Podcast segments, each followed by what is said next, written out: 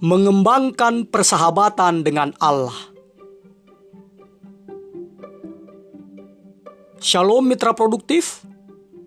Jumpa lagi dengan saya, Pastor Tommy Ringo, di Tahta Daud Channel dan podcast produktif dalam program 50 episode kehidupan yang dikendalikan oleh tujuan yang alkitabiah.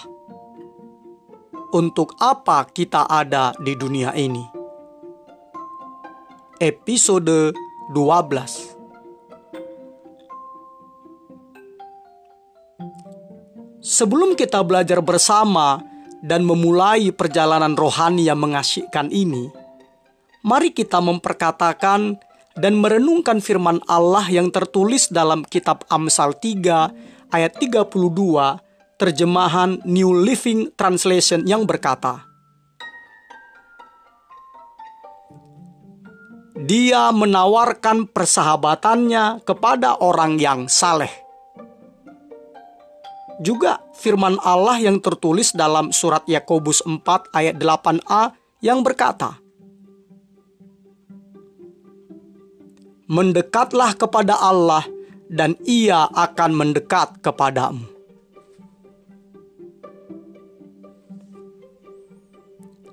Dalam ayat tersebut, kita diingatkan bahwa kedekatan Anda dengan Allah ditentukan oleh pilihan Anda. Sama seperti semua persahabatan lainnya, anda harus berusaha mengembangkan persahabatan Anda dengan Allah. Karena persahabatan tersebut tidak akan terjadi secara kebetulan. Dibutuhkan kerinduan, gairah, waktu, tenaga, atau energi.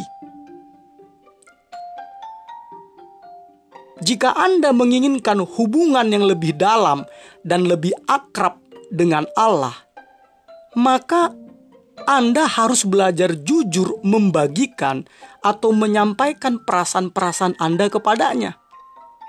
Mempercayai Allah ketika Dia meminta Anda melakukan sesuatu, belajar mempedulikan apa yang dipedulikannya, dan merindukan persahabatan dengannya lebih dari segalanya.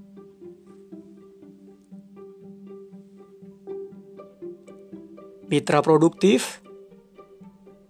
Dalam episode sebelumnya, kita sudah belajar bersama dua rahasia dari enam rahasia membangun persahabatan yang karib dengan Allah. Pertama, melakukan percakapan terus-menerus dengan Allah dengan cara mengucapkan doa-doa yang pendek sepanjang hari. Kedua, melakukan meditasi terus-menerus, yaitu dengan cara memikirkan, merenungkan firman Allah yang kita baca atau yang kita hafal terus-menerus sepanjang hari. Nah, episode kali ini kita akan belajar bersama empat rahasia lagi bagaimana membangun persahabatan yang karib dengan Allah.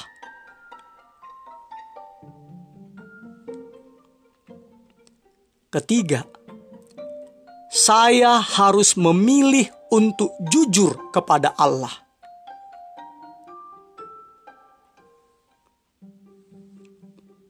Pondasi utama untuk membangun persahabatan yang lebih akrab dengan Allah adalah kejujuran baik tentang kesalahan-kesalahan Anda maupun mengenai perasaan-perasaan Anda. Tidak ada seorang pun dari sahabat-sahabat Allah di dalam Alkitab yang luput dari kesalahan. Semuanya melakukan kesalahan.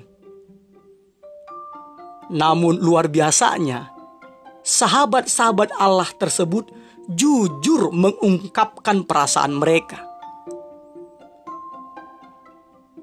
mereka sering kali mengeluh, mengkritik, menuduh, bahkan berbantah atau berargumentasi dengan pencipta mereka. Meskipun demikian, Allah tampaknya tidak terganggu oleh keterbukaan mereka. Bahkan Allah mendorong hal itu. Contohnya, Allah memberikan kesempatan kepada Abraham untuk bertanya dan menantangnya tentang penghancuran kota Sodom. Abraham mendesak Allah tentang apa syarat yang diperlukan untuk menyelamatkan kota itu. Bernego, bernegosiasi dengan Allah, mulai dari 50 orang benar sampai hanya 10 orang benar.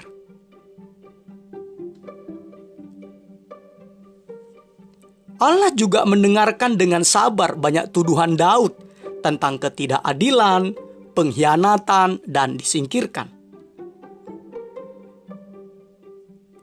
Allah juga tidak membunuh, tidak membantai Yeremia ketika Yeremia menyatakan bahwa Allah menipunya. Begitu juga dengan Ayub. Ayub dibiarkan menyatakan kepahitannya selama penderitaannya, dan pada akhirnya Allah membela Ayub karena ia jujur dan menegur teman-temannya Ayub karena mengatakan hal-hal yang salah tentang Allah. Itu tertulis dalam Ayub 42 ayat 7 sampai 8. Dan luar biasanya lagi, dalam kitab Keluaran 33 ayat 1 sampai 17 tertulis tentang persahabatan yang jujur antara Allah dengan Musa. Di mana Allah secara terbuka menyatakan rasa muaknya kepada ketidaktaatan Israel. Allah memberitahukan Musa bahwa ia akan menepati janjinya untuk memberikan tanah perjanjian dengan bangsa Israel. Tetapi ia tidak akan menyertai mereka lagi ia hanya mengutus malaikatnya untuk menyertai mereka. Allah muak. Dan ia membiarkan Musa merasakan apa yang ia rasakan. Dan sebagai seorang sahabat Allah, Musa menanggapi dengan kejujuran yang sama. Dia berkata dalam kitab Keluaran 33 ayat 17 sampai 33 ayat 12 sampai 17. Musa berkata, Memang engkau berfirman kepadaku, suruhlah bangsa ini berangkat, tetapi engkau tidak memberitahukan kepadaku siapa yang akan kau utus bersama-sama dengan aku. Jika aku kiranya mendapatkan kasih karunia di hadapanmu, beritahukanlah kiranya jalanmu kepadaku. Ingatlah bahwa bangsa ini adalah umatmu. Jika engkau sendiri tidak membimbing kami, janganlah suruh kami berangkat dari sini. Dari manakah gerangan akan diketahui bahwa aku telah mendapat kasih karunia di hadapanmu, yakni aku dengan umatmu ini?' Bukankah karena engkau berjalan bersama-sama dengan kami? Berfirmanlah Tuhan kepada Musa, "Juga hal yang telah kau katakan ini akan kulakukan, karena engkau telah mendapat kasih karunia di hadapanku, dan aku mengenal engkau."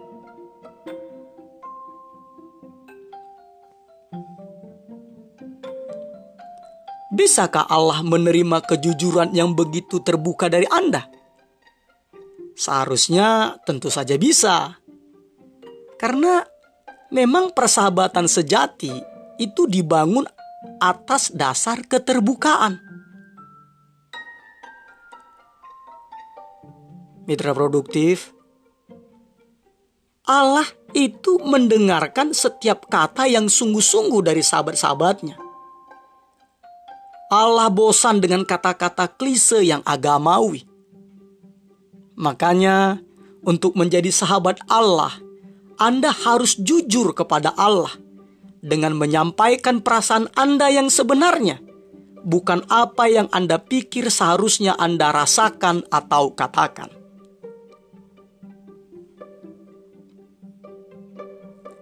Anda perlu mengakui kemarahan dan kepahitan yang tersembunyi Anda kepada Allah dalam bidang-bidang tertentu dalam kehidupan Anda, di mana Anda merasa diperdaya atau dikecewakan. Karena sebelum kita cukup dewasa untuk memahami bahwa Allah memakai segala sesuatu untuk mendatangkan kebaikan dalam hidup kita, maka kita akan memendam kemarahan terhadap Allah sehubungan dengan penampilan, latar belakang, doa-doa yang tak terjawab, luka-luka masa lalu, dan hal-hal lainnya yang akan kita ubah seandainya kita adalah Allah.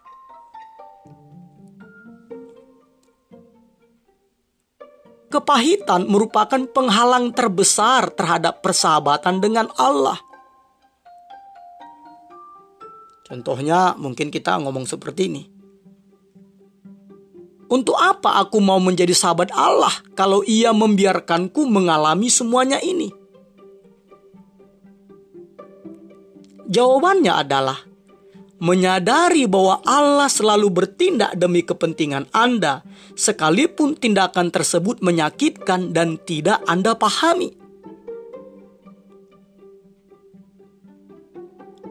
Melepaskan kemarahan dan menyatakan perasaan Anda kepada Allah adalah langkah pertama untuk penyembuhan. Seperti yang dilakukan oleh begitu banyak orang di dalam Alkitab.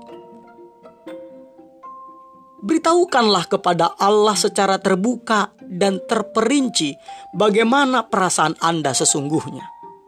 Itu bisa kita lihat dari Ayub Ayub 7 ayat 17 21. Bani Asap Mazmur 83 ayat 14 sampai 19. Yeremia Yeremia 20 ayat 7 dan juga Rut Rut 1 ayat 20.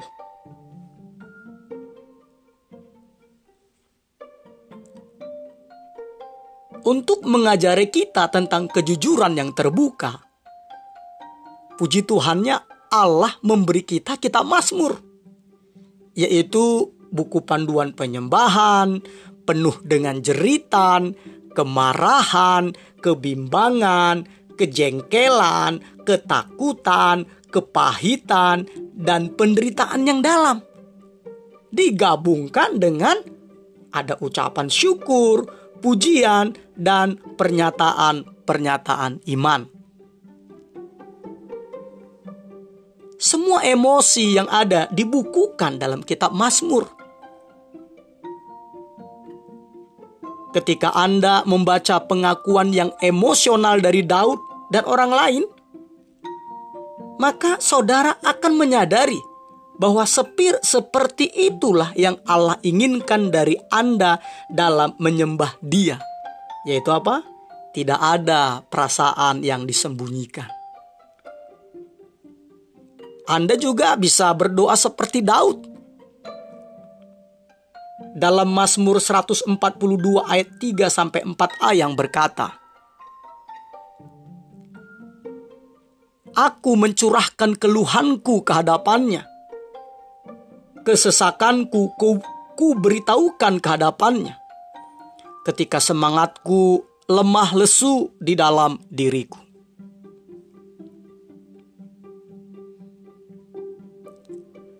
Ketika kita mengetahui bahwa semua sahabat karib Allah, baik itu Musa, Daud, Abraham, Ayub, dan lainnya pernah mengalami keraguan atau kebimbangan, itu mengajarkan kita supaya kita tidak berkecil hati. Para sahabat karib Allah tersebut tidak menyembunyikan perasaan mereka dengan perkataan-perkataan bernada rohani. Mereka justru dengan berterus terang mengungkapkan perasaan mereka secara terbuka di depan umum. Mitra produktif menyatakan keraguan atau kebimbangan kadang-kadang merupakan langkah pertama menuju ke tingkat keakraban yang lebih tinggi lagi dengan Allah.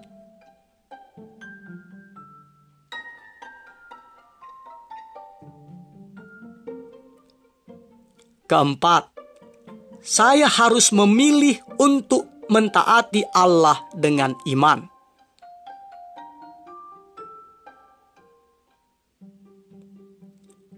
Setiap kali Anda mempercayai hikmat Allah dan melakukan apa pun yang Dia firmankan, walaupun Anda tidak memahaminya, sesungguhnya Anda sedang memperdalam persahabatan Anda dengan Allah. Makanya Yesus menegaskan bahwa ketaatan adalah syarat untuk akrab dengan Allah. Yesus berkata dalam Injil Yohanes 15 ayat 14. Kamu adalah sahabatku jikalau kamu berbuat apa yang kuperintahkan kepadamu.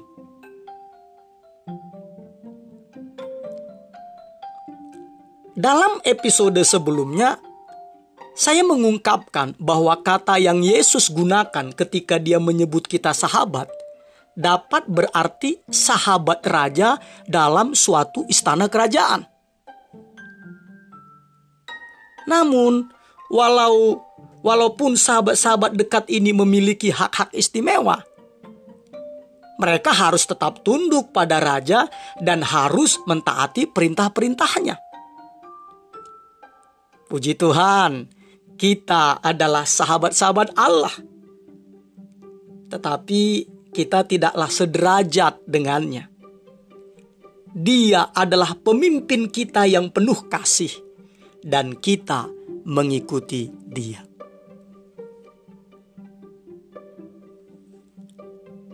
Kita mentaati Allah bukan karena kewajiban atau ketakutan atau keharusan atau karena paksaan tetapi karena kita mengasihi Dia dan percaya bahwa Dia mengetahui apa yang terbaik bagi kita. Kita mau mengikuti Yesus Kristus karena rasa syukur atas semua yang telah Dia kerjakan bagi kita. Dan semakin dekat kita mengikuti Dia, maka semakin akrab persahabatan kita dengannya. Haleluya!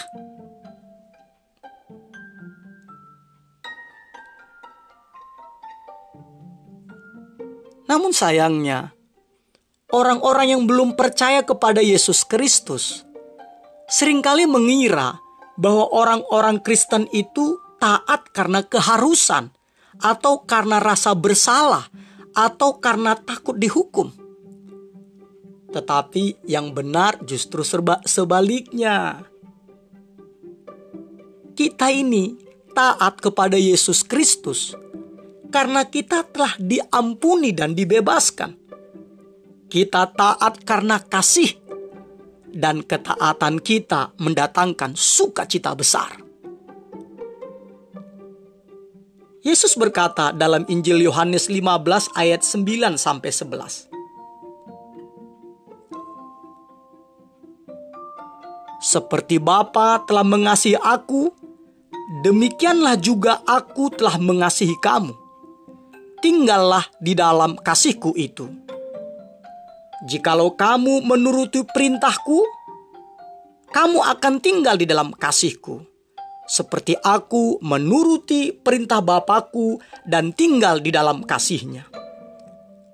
Semuanya itu kukatakan kepadamu, supaya sukacitaku ada di dalam kamu dan sukacitamu menjadi menjadi penuh.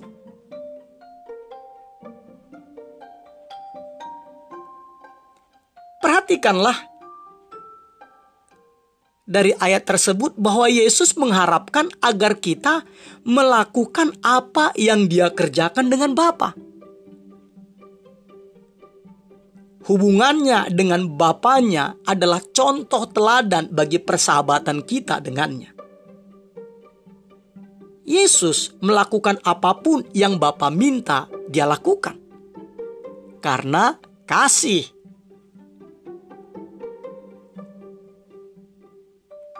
Mitra produktif, persahabatan sejati tidak bersifat pasif persahabatan sejati itu bertindak. Makanya Yesus meminta kita untuk mengasihi sesama kita, membantu mereka yang miskin, berbagi apa yang kita miliki dengan orang lain, menolong orang-orang yang membutuhkan, menjaga hidup kita tetap kudus, memberikan pengampunan, dan membawa orang lain kepada Yesus.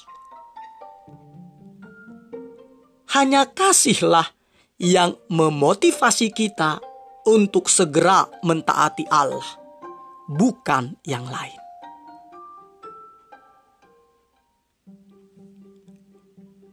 Kita sering ditantang oleh seseorang atau hamba Tuhan untuk mengerjakan dalam tanda kutip hal-hal besar bagi Allah.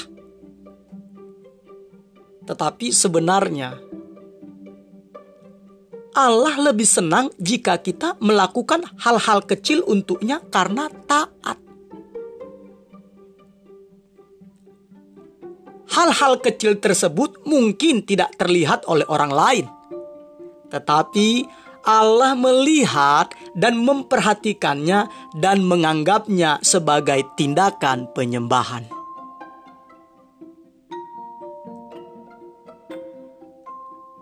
Kesempatan kesempatan besar mungkin datang sekali seumur hidup.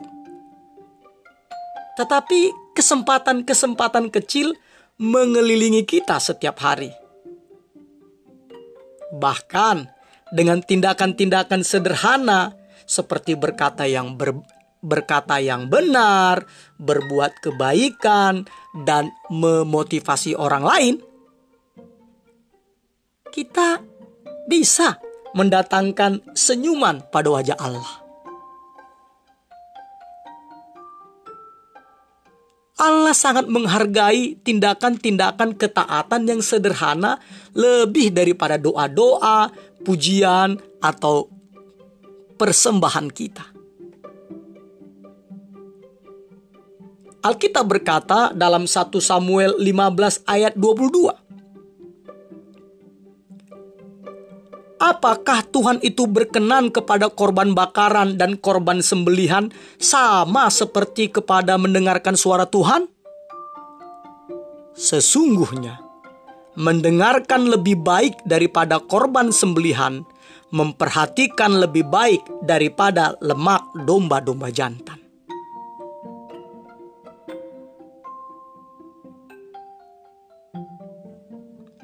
Kelima, saya harus memilih untuk menghargai apa yang Allah hargai.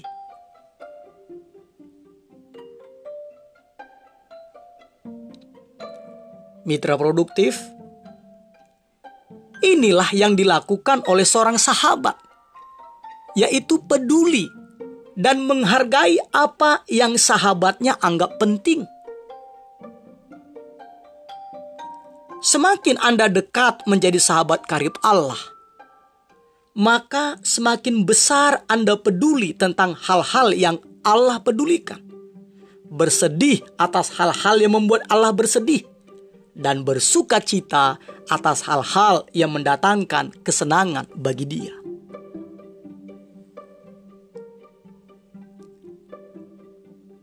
Paulus merupakan contoh teladan terbaik dalam hal ini di mana agendanya Allah adalah agendanya Paulus dan gairah Allah menjadi gairahnya.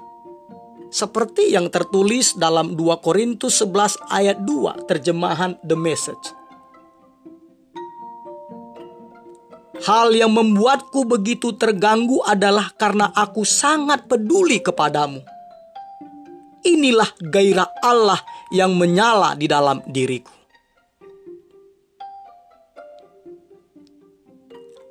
Daud juga merasakan hal yang sama seperti yang tertulis dalam Mazmur 69 ayat 10 terjemahan New Living Translation. Daud berkata, Gairah untuk rumahmu menyala di dalam diriku, sehingga mereka yang menghinamu adalah menghinaku.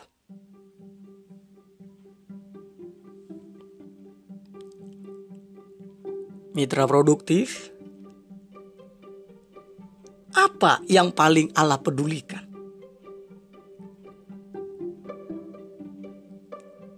Allah yang paling pedulikan itu adalah penebusan umatnya. Allah ingin agar semua anaknya yang terhilang ditemukan. Inilah satu-satunya alasan mengapa Allah menjadi manusia dan dinama Yesus dan datang ke dunia ini. Makanya Anda harus memberitakan kabar baik ini kepada orang lain.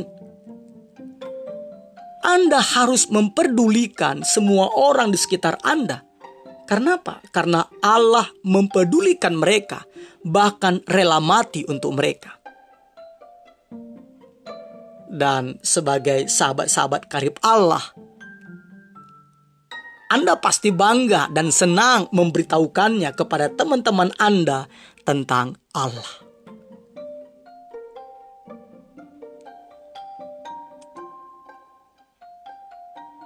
Keenam, saya harus menginginkan persahabatan dengan Allah lebih dari apa pun.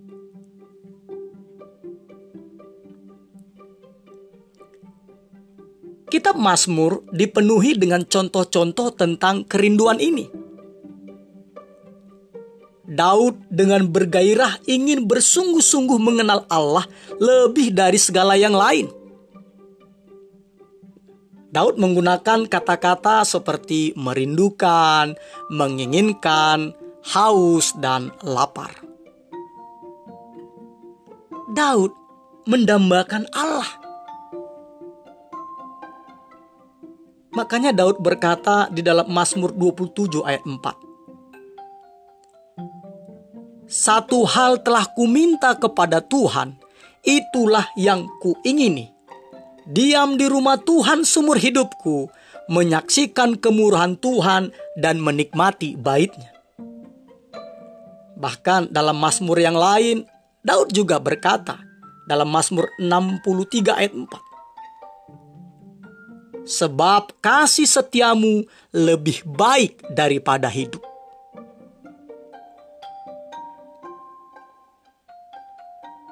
Begitu juga dengan Yakub. Gairah Yakub untuk memperoleh berkat Allah atas kehidupannya begitu besar sehingga Yakub bergulat dalam debu dengan Allah sepanjang malam dan berkata, Aku tidak akan membiarkan engkau pergi jika engkau tidak memberkati aku. Kejadian 32 ayat 26. Dan luar biasanya, bagian yang paling mengagumkan dari cerita ini adalah bahwa Allah yang Maha Kuasa membiarkan Yakub menang. Mitra produktif, Allah tidak tersinggung bila kita bergumul atau bergulat dengannya. Karena bergulat atau bergumul itu menyebabkan kontak pribadi dan membawa kita dekat kepadanya. Dan bergumul atau bergulat juga merupakan kegiatan yang bergairah. Dan Allah senang bila kita bergairah karena dia.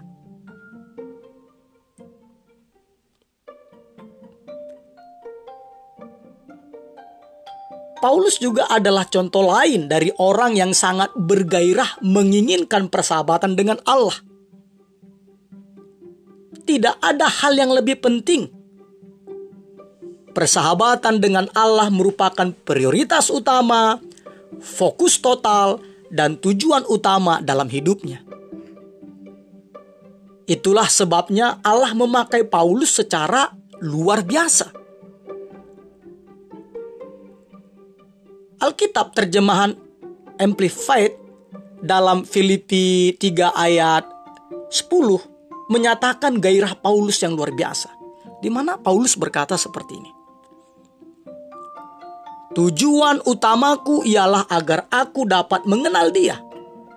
Agar aku secara bertahap bisa bergaul semakin dalam dan akrab dengan dia merasakan dan mengenali serta memahami ke keajaiban pribadinya dengan lebih kuat dan lebih jelas.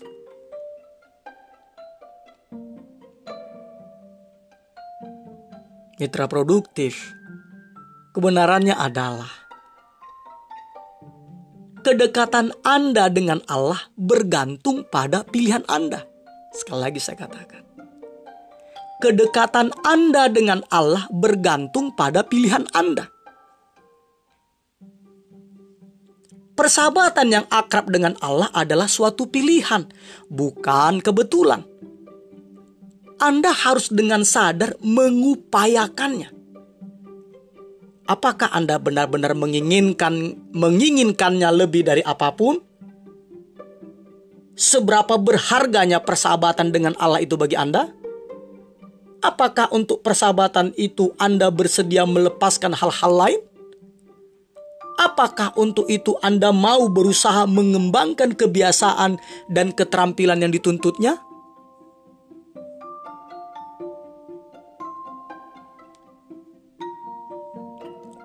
Mungkin Anda pernah bergairah kepada Allah, tetapi sekarang Anda kehilangan kegairahan itu seperti yang terjadi terhadap orang Kristen di Efesus, yakni mereka telah kehilangan kasih mula-mula mereka. Namun, saatnya sekarang mitra produktif bagi Anda untuk melakukannya lagi apa yang semula Anda lakukan. Bangun lagi kegairahan Anda dengan Allah, walaupun saat ini Anda sedang mengalami tekanan dan penderitaan. Mengapa? Karena penderitaan adalah salah satu cara Allah membangunkan kita dari kebekuan rohani. Seringkali masalah-masalah yang Anda alami bukanlah hukuman. Justru masalah-masalah tersebut merupakan panggilan dari Allah yang penuh kasih untuk membangunkan Anda. Allah tidak marah pada Anda. Dia sangat mengasihi Anda. Dan dia akan melakukan apa pun yang perlu untuk membawa Anda kembali kepada persekutuan yang akrab dengannya. Tapi puji Tuhan, ada cara yang lebih mudah untuk mengobarkan kembali kegairahan Anda kepada Allah. Yaitu apa? Mulailah dengan meminta kepada Allah agar Ia memberikan kerinduan itu kepada Anda, dan teruslah memintanya sampai Anda menerimanya. Berdoalah seperti ini sepanjang hari. Tuhan Yesus, lebih dari segalanya, aku ingin mengenal Engkau lebih dalam.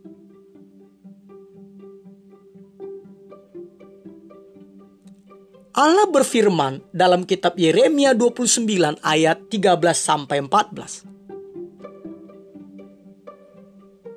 Apabila kamu mencari aku, kamu akan menemukan aku. Apabila kamu menanyakan aku dengan segenap hati, aku akan memberi kamu menemukan aku. Demikianlah firman Tuhan, dan aku akan memulihkan keadaanmu. Haleluya! Bahkan Yesus berkata di dalam Injil Matius 7 ayat 7 sampai 8. Mintalah maka akan diberikan kepadamu. Carilah maka kamu akan mendapat. Ketoklah maka pintu akan dibukakan bagimu. Karena setiap orang yang meminta menerima dan setiap orang yang mencari mendapat dan setiap orang yang mengetok baginya pintu dibukakan. Mitra produktif, kesimpulannya adalah tidak ada apa pun, benar-benar tidak ada yang lebih penting daripada mengembangkan persahabatan dengan Allah. Inilah hubungan yang akan kekal selamanya. Paulus mengatakan kepada Timotius dalam surat 1 Timotius 6 ayat 21a, terjemahan Living Bible. Beberapa di antara orang-orang ini telah kehilangan hal yang terpenting dalam hidup mereka. Mereka tidak mengenal Allah.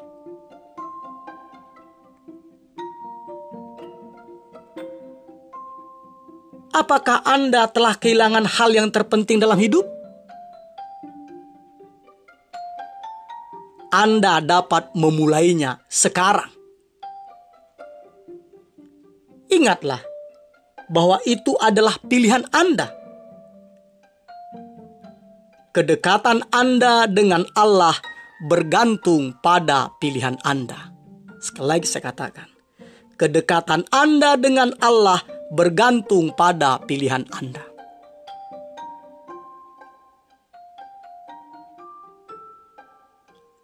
Episode 12 Berpikir dan merenungkan tujuan hidup kita. Nilai-nilai atau prinsip-prinsip yang harus kita pikirkan dan renungkan. Kedekatan saya dengan Allah bergantung pada pilihan saya. Ayat untuk diingat.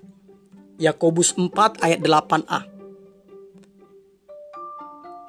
Mendekatlah kepada Allah dan ia akan mendekat kepadamu. Pertanyaan untuk dipikirkan dan didiskusikan. Pilihan-pilihan praktis apa yang akan saya buat hari ini supaya saya menjadi semakin dekat dengan Allah.